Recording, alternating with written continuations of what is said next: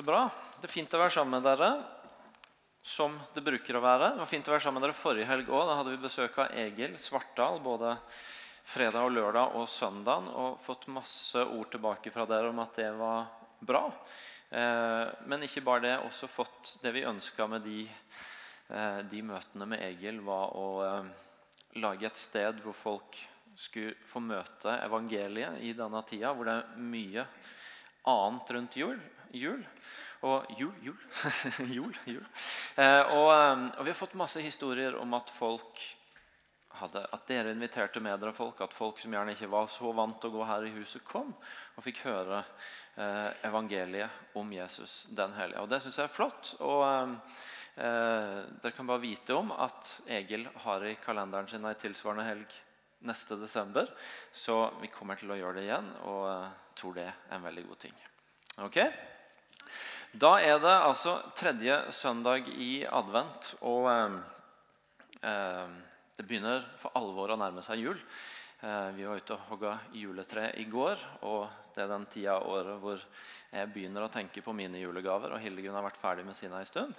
Eh, sånn, cirka sånn det ser ut hjemme hos oss. Eh, jeg kom over en, eh, noen som foreldre som hadde hørt barnet sitt be en bønn tidligere denne uka. så bare leste jeg det, Hvor de hadde hørt sitt barn be. Kjære Gud, jeg elsker jul og jeg elsker påske. Kunne du være så snill å putte noe sånt mellom de to òg, for da skjer det ikke så mye moro. Så Jeg vet ikke om vi som lager det til, eh, er klar for det, men eh, i hvert fall et godt forslag. Når jeg først kom over det, så kom jeg over et par andre barnebønner òg. Dere bare må få med dere. Jeg synes de var morsomme i hvert fall. Eh, den ene var Kjære Gud, det må være kjempevanskelig for deg å elske alle menneskene i verden. Særlig broren min. Jeg fatter ikke åssen du klarer det. og, eh, og, den siste, som også er litt kreativ. Kjære Gud, det kan hende at hvis du ga Kain og Abel hver sitt rom, så ville de ikke drepe hverandre så mye. jeg og broren min har i hvert fall det, og vi klarer oss ganske bra. så det er fantastisk. Ikke bare er barn herlig, ærlige og fornøyelige. Men det er også noe med bønn og det med ærlighet. I folks bønner så møter du ikke primært det man mener, eller teologien til folk, altså det man har synspunkter på. Men en sånn ærlig og oppriktig bønn kommer gjerne fra hjertet og handler først og fremst om dette, dette er det som rører seg inni meg. Dette er det jeg er opptatt av. Nå skal jeg ikke først og fremst i tre punkter forklare hva jeg syns om en ting. Men nå, nå kommer det ut som jeg er opptatt av, som ligger på mitt hjerte. Og I Johannes 17 så får vi se et egentlig ganske sjeldent glimt inn i en av Jesus sine bønner. Jesus lærer vi å bli ganske oppmerksom på når vi leser evangeliene, er en som ba mye, og som hadde bønn som en viktig del av livet sitt. Vi ser stadig vekk hvordan han trekker seg til side for å be. Men det er ikke så veldig ofte at vi egentlig får de store glimta inn i hva han ber, og hvordan han ber. ber. Riktignok så når disiplene ber han om å lære oss å be, så, så, får vi bønnen 'Fader vår'. Men det er ikke så ofte at det står sånn de lange setningene om hva han ber om. Noen setninger her og der. Og så er Johannes 17 et sånt unntak, hvor Johannes har satt av et helt kapittel til å rett og slett bare sitere Jesus på hva han ba, på et sånt viktig punkt i sin tjeneste. Det er mot slutten av det virket hvor han går rundt og forkynner og gjør gode ting for folk og helbreder folk. Og idet han er på vei inn i den siste og avgjørende fasen eh, med lidelseshistorien i Jerusalem, så kommer Johannes 17 der som et sånn glimt inn i ok, hva er det Jesus ber når han letter sitt hjerte for sin far. Når han ikke primært står der for å undervise mange folk om sånn og sånn er det, og sånn og sånn er det, men han bare snakker fra sitt hjerte til sin fars hjerte. Og Det er en utrolig innholdsmetta tekst, så vi skal ikke liksom prøve å få tak i alle ting og begreper og sånt ved den, denne formiddagen. Men vi skal, vi skal, bare stoppe opp ved noen ting som, eh, eh, som jeg tror sier oss noe om det som har vært et fokus for oss gjennom hele denne høsten, og som vi avslutter denne søndagen foreløpig eh, her i menigheten. Første del av Jesus sin bønn handler egentlig om at Jesus sier til sin far jeg har gjort jobben. Jeg har fullført oppdraget. Han begynner med å si far, timen er kommet. Nå, nå er timen, tida inne. Nå, nå, er det kommet et spesielt øyeblikk. Herliggjør din sønn, så sønnen kan herliggjøre deg.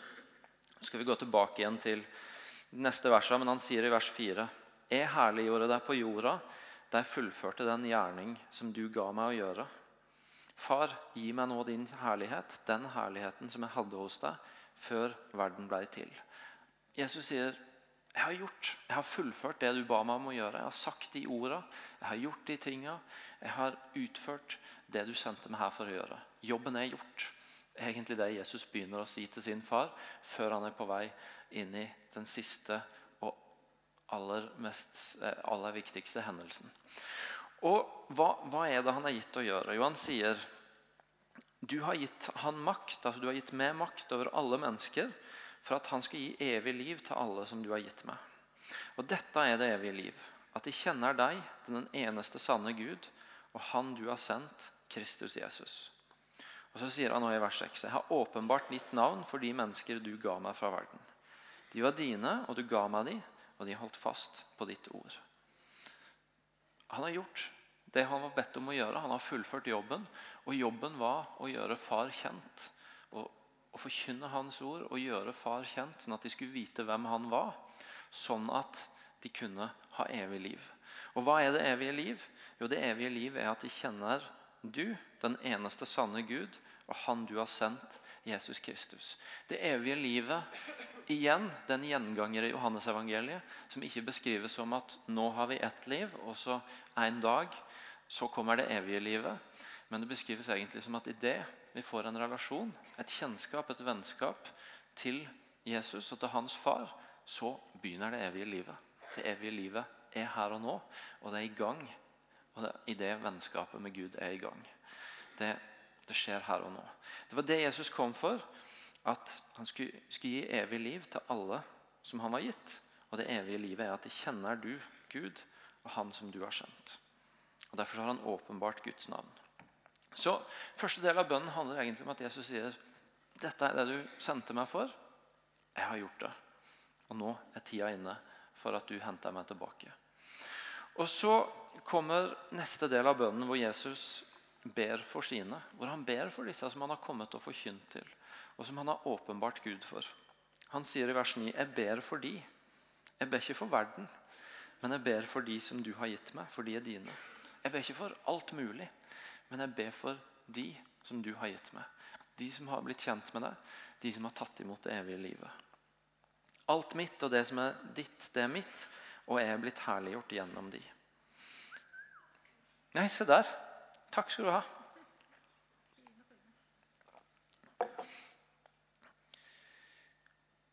Jeg blir ikke lenger i verden, men de er i verden, og jeg går til deg. Hellige Far, bevar de i ditt navn, det navnet du har gitt meg, så de kan være ett, slik som vi er ett. Da jeg var hos deg, så bevarte jeg de i ditt navn, det navnet du har gitt meg. Jesus ber for de som han har gjort Faderens navn kjent for. Og han ber far pass på dem, beskytt dem, bevar dem. Pass godt på dem, far, for jeg har gjort det nå. Det har vært min jobb nå. Nå tar du meg tilbake til deg sjøl. Da ber jeg om at du må passe godt på dem. Og så sier han etter hvert at eh, de er ikke av verden, slik heller ikke er av verden. Jeg ber ikke om at du skal ta dem ut av verden, men at du skal bevare dem fra det onde. Ikke om at du skal ta dem bort fra denne verden, men at du skal bevare dem fra det onde. De er ikke av verden, slik jeg ikke er av verden. Hellige de i sannheten, ditt ord er sannhet. Som du har sendt meg til verden, så har jeg sendt de til verden. Jeg helliger meg for de, så også de skal helliges i sannheten. Kjære far, jeg ber for de som du har gitt meg. Pass godt på dem. Men ikke ta dem ut av verden. Ikke ta dem på et sånt sted hvor det ikke er noe rundt som er utfordrende, som, som er ondt, som er farlig. Men, men, pass godt på dem midt i det. Ikke ta dem ut av verden, men bevar dem fra det onde. Og så, han, så ber han som du har sendt meg til verden, så har jeg sendt de til verden. Som du sendte meg for at ditt navn skulle bli åpenbart, for at mennesker skulle finne det evige liv, så sender jeg de i det samme oppdraget. Der jeg har fullført et oppdrag du har gitt meg, så får de nå et oppdrag å fullføre. Nemlig å leve i denne verden med et fokus på at ditt navn skal bli kjent, skal bli åpenbart for verden rundt. Han ber Gud om å bevare dem, men om å holde dem i denne verden fordi de har et oppdrag her, nemlig at de sendes for å gjøre hans navn kjent. Og så siste del av bønnen fra vers 20. Jeg ber ikke bare for de, men også for de som gjennom deres ord kommer til tro på meg. Må de alle være ett, slik du, far, er i meg og er i de. Slik skal også de være i oss, for at verden skal tro at du har sendt meg. Den herligheten som du har gitt meg, har jeg gitt de, for at de skal være ett, slik som vi er ett. Jeg i dem, og du er i meg. Så de helt og fullt kan være ett. Han ber om at de som hører til han, de som er Guds barn, de som har hørt og tror og har fått et evig liv, har fått et liv med Gud, at de skal være ett. Og at også de som hører, kommer til tro fordi neste generasjon tar det videre og forteller ordet, og nye kommer til tro, at de skal være ett. At de skal høre sammen. Ett, ikke sant? Det er et utrolig sterkt uttrykk for ikke bare å vite om hverandre eller tåle hverandre, holde ut med hverandre. Apropos kjære Gud, jeg skjønner ikke hvordan du klarer å elske broren min. Eh, men at de skal være ett. Og så sier han da skal verden skjønne at du har sendt meg, og at du elsker de slik som du har elska meg. Far, du har gitt meg de, og jeg vil at de skal være der jeg er, så de får se min kjærlighet, den du har gitt meg fordi du elska meg før verdens grunnvoll ble lagt. Når de er ett, så skal verden skjønne at du har sendt meg, og at du elsker dem slik du har elska meg. Jesus i sin bønn sier egentlig at hvis, hvis de som hører han til, kan være ett, så vil verden rundt se at, at Jesus er den han, han, er. At han er sendt av Gud, og at han er sendt med Guds kjærlighet. Og Da er vi inne på Ann Ingel sa at temaet i dag er at fellesskap er forkynnelse. Jesus sier egentlig noe om at før vi har gjort noe som helst, som fellesskap, som menigheter, som troende som hører sammen, så er vi et budskap til denne verden rett og slett bare ved å høre sammen. Bare ved at vi hører sammen, at vi har et fellesskap, at vi er ett. At vi har noe mer enn bare felles medlemskap i ei kirke, men at vi ikke sant, ett som, som uttrykker en mye sterkere tilhørighet. Bare i det så ligger det en forkynnelse til denne verden om at Gud er Gud, og om hans kjærlighet. Om at Jesus er sendt av Gud, at han er sendt fordi Gud elsker. Denne høsten så har vi gravd i Bibelen i dette med relasjoner og hva vi finner i Bibelen om relasjoner. Og Jeg skal ikke ta hele oppsummeringa, men, men, bare noen få ting. Vi har sett at det å være skapt i Guds bilde, det betyr å være skapt til relasjoner. Fordi Gud sjøl er relasjon. Sånn at det bildet han har satt i oss, det avtrykket han har satt på oss, det handler også om at vi er skapt til relasjoner. Og Vi har sett at relasjoner er en sånn landingsplass for Guds godhet. Fordi når Adam var i den perfekte verden, men han var alene, så så skaperen sjøl at vet du noe, det er ikke godt for han å være alene her. Han klarte ikke fullt ut å ta imot Guds godhet på egen hånd. Han trengte relasjon for å, å virkelig ta imot Guds godhet. Og så har vi sett hvordan måltidet blir et sånt uttrykk for den, det bildet. Vi har sett hvordan Jesus ble omtalt som en storeter som gikk og satte seg ned og spiste med all slags folk. Ikke bare de det passa seg at han spiste med, men også de det slett ikke passa seg med. Og så ble bordet, måltidet, en sånn annen landingsplass for Guds godhet. Et uttrykk for relasjon, og et uttrykk for at i relasjonen så kommer Guds godhet ut. Både ved at han satt og spiste med all slags folk, og ved at Gud dekker et bord for oss, sånn som han har gjort her i dag. Nattverden hvor vi får ta imot Hans godhet og Hans nåde. Og så har Vi utfordra hverandre på at vi kan åpne våre bord, våre måltider, for mennesker. Og så kan de være landingsplasser for at andre får møte godhet. Det har vært utrolig gøy de siste månedene å begynne å få inn historier fra dere om at dere faktisk gjør det. At dere øver dere på ok, hvem kan vi invitere inn rundt vårt bord. Hvem kan vi dekke bord for? Og la våre måltid være et sted hvor, hvor noen får smake på noe som er godt hvor noen får en smakebit av Guds godhet fordi vi lot de landet rundt bordet. Og Så har vi gått enda et steg videre og sett hvordan den første kirke tok dette på alvor når de begynte å samles i hjemma hver dag. Og Vi har tegna dette bildet, vi har forestilt oss dette her rundt om i Jerusalem. Hvordan det må ha sett ut når det var hjem overalt i hele byen. Hvor hver dag, hver kveld, så var det en gjeng som kom sammen. og Så forteller apostlenes gjerninger to at de spiste sammen og de ba sammen. De feira nattverden sammen og de lovpriste Gud med glede. Og så står det at de var utrolig godt likt av folket, og det kom nye folk til tro hele veien. Vi har sett det bildet av hjem rundt om i byen som var sånne landingsplasser for Guds godhet. Og så har vi prøvd å se for oss ja, kanskje mitt og ditt hjem kan representere noe av det samme.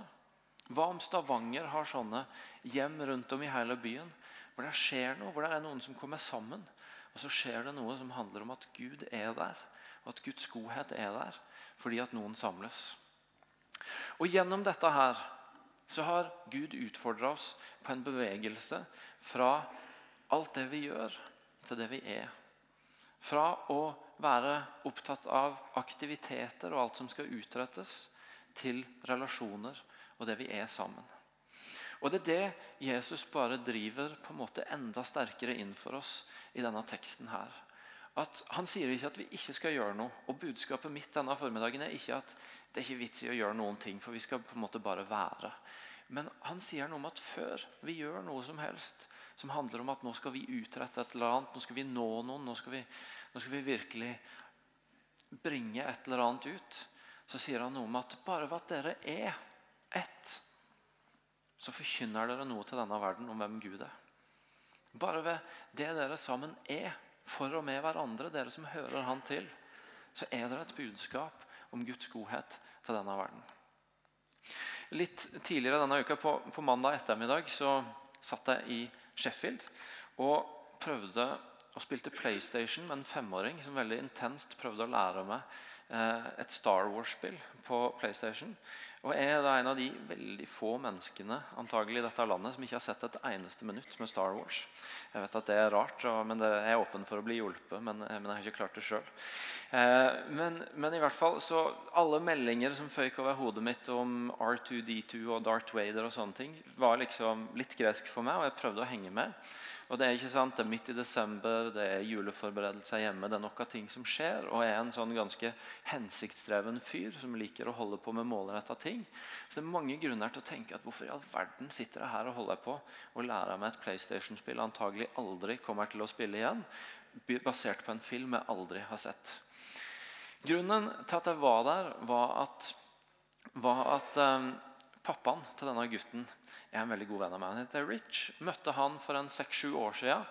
Og vi kjente ikke hverandre veldig godt. Vi bare opplevde at det var noen likheter i livssituasjonen, i alder, familie, tjeneste, en del sånne ting. Og så bare bestemte vi oss for at la oss, la oss begynne å gå sammen. La oss være venner og, og backe hverandre. For vi tror at det ligger masse spennende ting, men også masse utfordrende ting i åra framover. Og så betyr det at de siste fem åra, sånn ca. hver fredag kvart på tre, så ringer jeg min telefon hvis ikke jeg rekker å ringe først. Og så er jeg Rich på telefonen fra Sheffield. Og Så kommer det sånne spørsmål som Åssen går det? Um, eller Åssen har familien din det? Du høres litt trøtt ut. Har hvordan har du tenkt å sikre deg hvile? Um, du fortalte noe sist om at dette og dette blir viktig. Åssen uh, har det gått med det? Er det noe jeg kan hjelpe deg med? Hva kan jeg be for, du? be for deg? Hvordan kan jeg be for familien din? Og så har det vært rart å merke hvordan over tid, noen minutter, én gang i uka og noen sånne turer over tid har bygd et vennskap som betyr utrolig mye. Ikke sånn ved at en tar noen snarveier, for det er veldig vanskelig å bygge vennskap med snarveier. Men over tid ved å stå sammen. Um, og fått felles historie. Hatt noen sesonger hvor det bare har vært den ene som har snakka hele veien. For nå har det vært utfordringer på hans side, og i andre tider så har det vært andre veien. Så, så bygges det noe som etter hvert går utrolig dypt, og som betyr utrolig mye.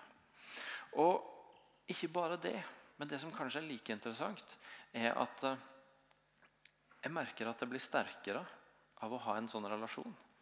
Selv om vi nesten aldri får gjort noe sammen, selv om vi ikke har noen felles prosjekter, noe vi skal utrette sammen, så merker jeg at ved å bygge en sånn tilhørighet, en sånn relasjon, så kan jeg hente styrke ut av det.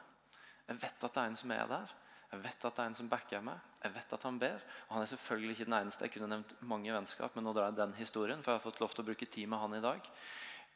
men, men, poenget er denne her styrken som kommer ut av selv om vi ikke gjør noe sammen, utretter noe sammen. Så ligger det en styrke som også gjør at jeg tror jeg lykkes mer enn jeg ville gjort uten han. Og han lykkes mer enn han ville gjort uten meg. I Bibelen så er det en sånn utrolig nydelig historie. En av mine favoritthistorier i Bibelen. Jeg har sikkert nevnt den her òg før, men det, det, er lenge siden. Um, historien om David og Jonathan. David, som er denne gjetergutten som kommer inn på scenen og slår kjempen Goliat, som har bare torturert Israel i, i, lange tider fordi ingen tør å kjempe han. Og Så kommer denne her lille jyplingen inn og slår han. Og Så leser vi om hvordan Saul vil vite hvem denne karen er. Um, og, og, kaller han inn til seg. Og Så står det i 1. Samuels bok 18. Når David hadde snakka med Saul, så ble Jonathan nær knytta til David. og Han fikk han så kjær som sitt eget liv. Samme dag tok Saul David til seg og lot han ikke mer få vende tilbake til sitt hjem. Jonathan slutta en pakt med David fordi han hadde fått han så kjær som sitt eget liv. Han tok av seg kappen han hadde på, ga den til David sammen med stridsklærne og sverdet og buen og beltet. Idet Saul og David møtes, så skjer det også et annet møte som er minst like viktig. Nemlig David og Jonathan møtes, og der oppstår et vennskap som blir utrolig sterkt. Det står at de inngår en pakt. Det står at Jonathan gir sine viktigste ting, eh, nemlig stridsklærne og sverdet, buen og beltet, til David. Og Så fortsetter det å utspille seg en historie hvor David ganske raskt går fra å være redningsmannen til å bli Sauls største trussel. Det går bare noen vers lenger ned. Så begynner damene i landet å synge 'Saul slo tusener, men David slo titusener'. Og Så begynner Saul å bli redd og bli trua av David. Og Det går ikke lang tid før han begynner å prøve å ta livet av han. Og Da kommer Jonathan, som jo unektelig står i en lojalitetskonflikt mellom sin far, kongen, og denne sin beste venn, som han har en pakt med, inn i bildet. Og så skal ikke vi ta alle detaljene i historien nå, men, men det kommer en historie hvor Jonathan igjen og igjen hjelper David. Han taler Davids sak overfor kongen og snakker kongen bort fra og prøver å ta livet av han. Og Så går det en stund, og så, og så, er kongen der igjen og prøver å ta livet av han. og Da er Jonathan den som advarer han og hjelper han med å rømme. Og Når David har vært på rømmen en stund, så er Jonathan den som David kan oppsøke og spørre hva, hva er det egentlig som skjer. Hva er det for noe galt jeg har gjort som gjør at din far vil ta livet av meg? Og Så tar Jonathan risken med å gå inn og prøver å finne ut hva det er som foregår hos sin far. Og, og, skjønner at det er så ille som David tror. Saul vil ta livet av han og går ut igjen og advarer han. Sånn at David igjen kan rømme unna. Og sånn at David, etter å ha vært på rømmen en stund, og etter å ha vært kommet til det punktet hvor Saul er død, blir konge. Sånn som det er profetert om han, og sånn som han er salva til i Israel. Menneskelig talt så vet vi ikke om David hadde blitt konge i Israel uten Jonathan. Menneskelig talt, Gud, Gud har sine veier og sine planer og, og, og kan ta, ta, nye veier hvis, eh, hvis noe går, går, galt. Men menneskelig talt så vet vi ikke om David hadde blitt konge sånn som var hensikten for hans liv, sånn som var Guds plan for hans liv, hvis ikke det hadde vært en Jonathan som var villig til å beskytte han, tale hans sak, stå med han, møte han for råd når ingen andre ville snakke med han. Og det er noe av det som er sannheten om våre liv også. At det er så mange ganger hvor vi kan bli så opptatt av hva vi skal gjøre, hva vi skal utrette. hva som er, jeg, jeg står og strever med denne greia her, og hva er det neste jeg må gjøre for å komme videre med det? Og så er det en god del ganger at et minst like viktig spørsmål er hvem er det jeg skal høre sammen med nå? Hvem er det jeg henter styrke fra? Hvem er det som gir meg råd? Hvem er det som ber for meg? Hvem er det som går med meg gjennom denne fasen? Sånn at det jeg ikke helt klarer å få til på egen hånd, det kommer jeg meg likevel igjennom fordi jeg ikke er alene i det. Der er en klok mann som heter Chris Wallerton, som har sagt at mange som spør om hva de skal gjøre, og hva som er Guds plan for dem, bør heller spørre om hvem de skal høre sammen med. Og så vil hensikten med livet de sitt åpenbare seg gjennom folka de hører sammen med. Guds plan for livet vårt, Guds neste steg for livet vårt, som åpnes opp i det vi ikke primært i at vi bare spør hva skal jeg gjøre, hva skal jeg gjøre, men kanskje like ofte spør hvem skal jeg høre sammen med. Og så, og så åpnes det en vei gjennom det. Det er min erfaring fra mitt liv. Jeg kunne fortalt mange historier om hvordan det å få høre sammen med noen har vært min vei videre når jeg ikke sjøl har visst. En historie som jeg godt kan fortelle dere, som, som, handler mer om noen av de store stegene i livet, er jo at det at jeg får være her i dag og, eh, og få være med i IMI og få være pastor i IMI Det er ikke sånn at jeg for noen år tilbake satt et eller annet sted og tenkte at jeg tror det jeg skal utrette i livet, det er det og det og det og det. Og Det spørs nok om ikke den beste måten jeg kan oppnå det på, er å flytte til Stavanger og prøve å komme meg i posisjon til å bli pastor i IMI. Jeg vet ikke om noen av dere tror det var sånn, men jeg kan i hvert fall avkrefte nå at det var sånn. Det som skjedde var at En junidag i 2006 så var jeg i Kristiansand og drakk kaffe med han som var formann i ungdomskoret jeg vokste opp i hjemmet. Eh, og Da var jeg tenåring og hadde en veldig sterk identitet i å være bygutt fra Tvedestrand. Jeg vet ikke om noen av dere tenker om Tvedestrand som en by, men siden koret var på Songe, som er enda mindre, så var det noen av som tenkte veldig sterkt om at vi var bygutter. Så, eh, så jeg brukte primært tenåra mine på å krangle med denne formannen. Eh, men nå hadde vi plukka opp relasjonen igjen, og siden den gang så hadde han blitt daglig leder i Impuls. Eh, Halvor Lindahl.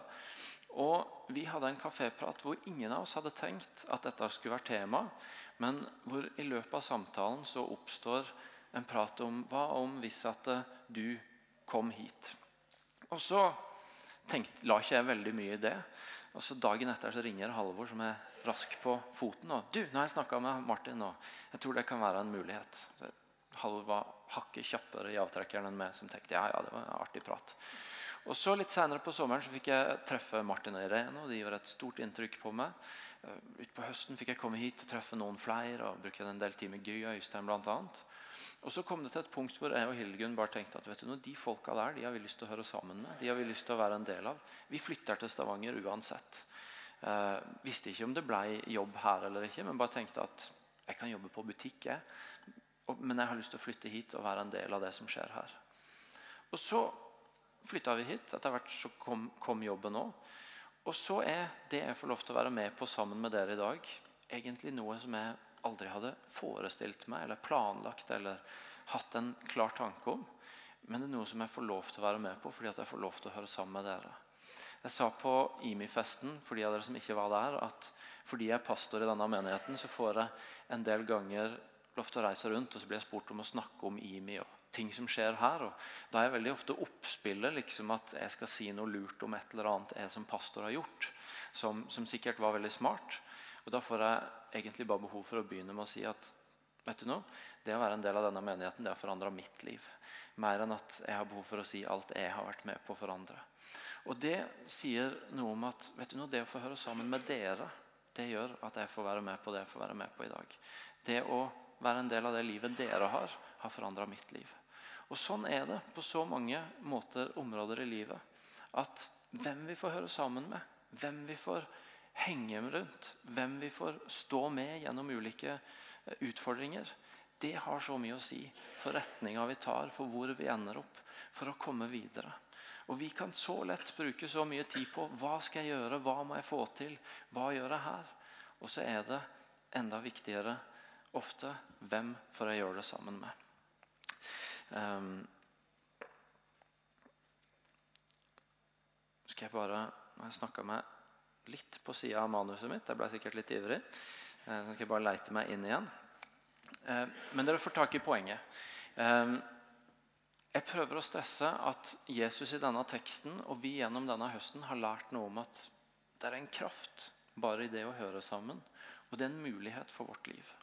Og Når vi denne høsten har snakka også gjennom denne prosessen mer og mer om huskirker, så handler det nettopp om de tingene jeg snakker om i dag. Det handler nettopp om at ved å få høre sammen med noen andre, hvor fokuset ikke er så mye på alt en skal utrette, men på noen en får gå sammen med, så åpner det seg noen nye muligheter for våre liv.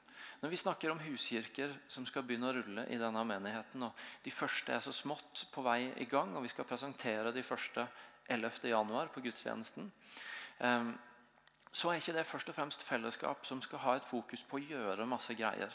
Men det er fellesskap som skal ha fokus på å høre sammen og bety noe for hverandre. Og ut av det så skal det vokse noe.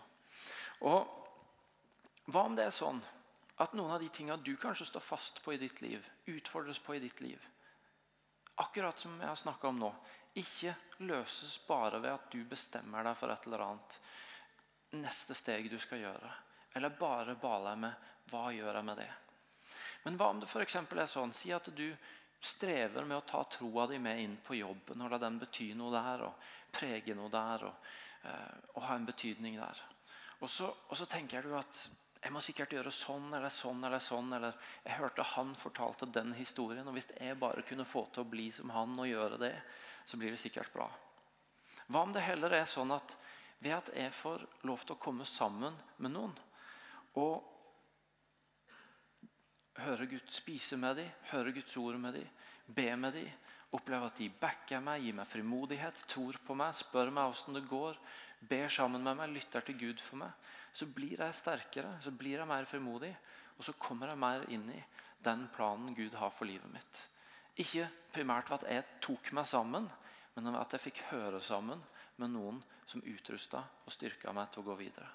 Huskirker handler om det. Du, du har utfordringer med barna dine, og du leser all verdens av bøker og foreldreblogger og alt mulig som er uti der.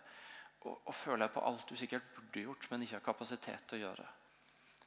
Tenk om noe av svaret lå i å høre sammen med noen som, som ba for deg, og var sammen med barna dine sammen med deg, og kanskje ga noen råd, men like mye bare velsigna deg og hjalp deg gjennom den fasen. Og så blei du sterkere, ikke av alle bloggene du hadde lest, men av de menneskene som sto sammen med deg. Det er hjertet når vi har snakka om huskirker og begynt å spisse inn mot det denne høsten. Kanskje lurer du på hva det er. og og Jeg har ikke tid nå til å liksom dra en lang greie på det, men Apostlenes gjerninger 2 er modellen. Der står det at de kom møttes i hjemmene hver dag.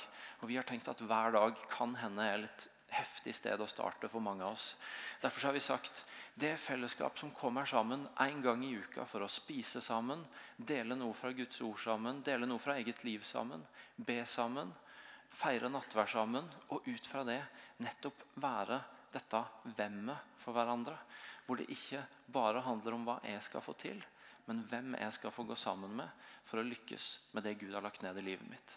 Det kan se forskjellig ut, for det ser forskjellig ut når småbarnsfamilier kommer sammen, og når folk uten barn kommer sammen. Det kan, kan være at noen møtes på ettermiddagene med fullt familiemiddag, kaos, og blander noe inn i det. Og så, og så har de voksne cellegruppe annenhver uke på kveldene. Det kan være at en møtes på kveldene eh, til en sein middag fordi en har mulighet til det. Vi skal skrive ut noen av de modellene for dere og gi et hefte. Men det handler om dette her fellesskapet som finner sammen i en rytme hvor en over tid, stein på stein, bygger noe av denne styrken som Jesus også snakker om. Nemlig at bare ved at dere hører sammen, så er det et budskap for denne verden. Og I det så ligger det så mye nåde for meg og du. Fordi det betyr at utfordringa til oss som etterfølgere av Jesus ikke er hva skal jeg få til i 2015? Men det er kanskje like mye hvem skal jeg høre sammen med? Og så kan det bli noe av svaret på hvordan Gud vil ta meg videre i noe av det jeg utfordres i. Så ofte så blir vi like resten av denne verden og tenker bare på hva jeg skal gjøre.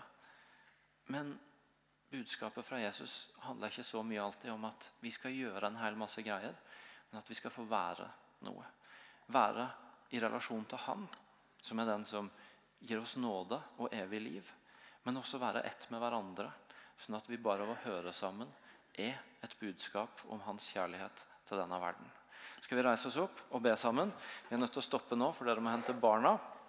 Eh, men jeg har lyst til at vi ber en kort bønn først. Gode far, jeg har lyst til å bare takke deg for at du sendte Jesus, og for at han fullførte oppdraget. Han gjorde det du ba ham om å gjøre, og gjennom det så fikk vi se hvem du er. Og vi fikk ta del i det evige livet, sånn at vi kan leve med en visshet om at spørsmålet er ikke om vi en dag skal få begynne det, men vi kan vite at her og nå så er det evige livet vårt, fordi vi kjenner Han som du sendte. Og så har jeg lyst til å be deg denne formiddagen om at du skal fortsette å jobbe med oss i å finne ut denne greia med, med å være ett.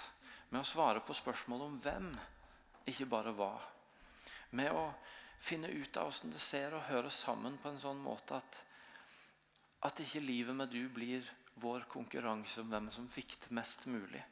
Men det blir denne her nådefylte greia av at fordi jeg fikk høre sammen med noen, så ble jeg hjulpet videre i livet. Og Derfor så ber jeg deg om at du skal tale til oss igjen denne formiddagen om hvem det er, og hvordan det ser ut i våre liv. At våre spørsmål for 2015, i den grad vi legger planer og setter oss mål for det, det året, ikke bare skal være hva-spørsmål, men det skal være hvem-spørsmål. Og Jeg takker deg for at du, du gir oss denne invitasjonen til å høre sammen, til å bli mer rett med hverandre. Og at i det så blir din godhet åpenbart for denne verden. Tal til oss, tal til oss som enkeltmennesker, som familier. Og tal inn i de utfordringene vi står i. Jeg takker deg, far, for at jeg ikke skal få, måtte være alene om å fikse det med å være pappa, men jeg kan få høre sammen med noen andre som kan få bety noe for barna mine. Takker deg for at de som er her i rommet, som, som har et kall til arbeidsplassen sin, ikke, ikke, skal stå i det alene, men skal få, få finne ut av det sammen med noen. Takker deg for de som kalles til nabolaget sitt. At, at det ikke skal være en sånn ensom øvelse i å bli det det kristne hjemmet i nabolaget, men det skal få være en sånn fellesskapsgreie av å styrke hverandre og stå sammen og bli noe sammen. Så tal til oss og led oss, og la 2015 få bli et år hvor vi blir ett, mer ett med hverandre. Amen.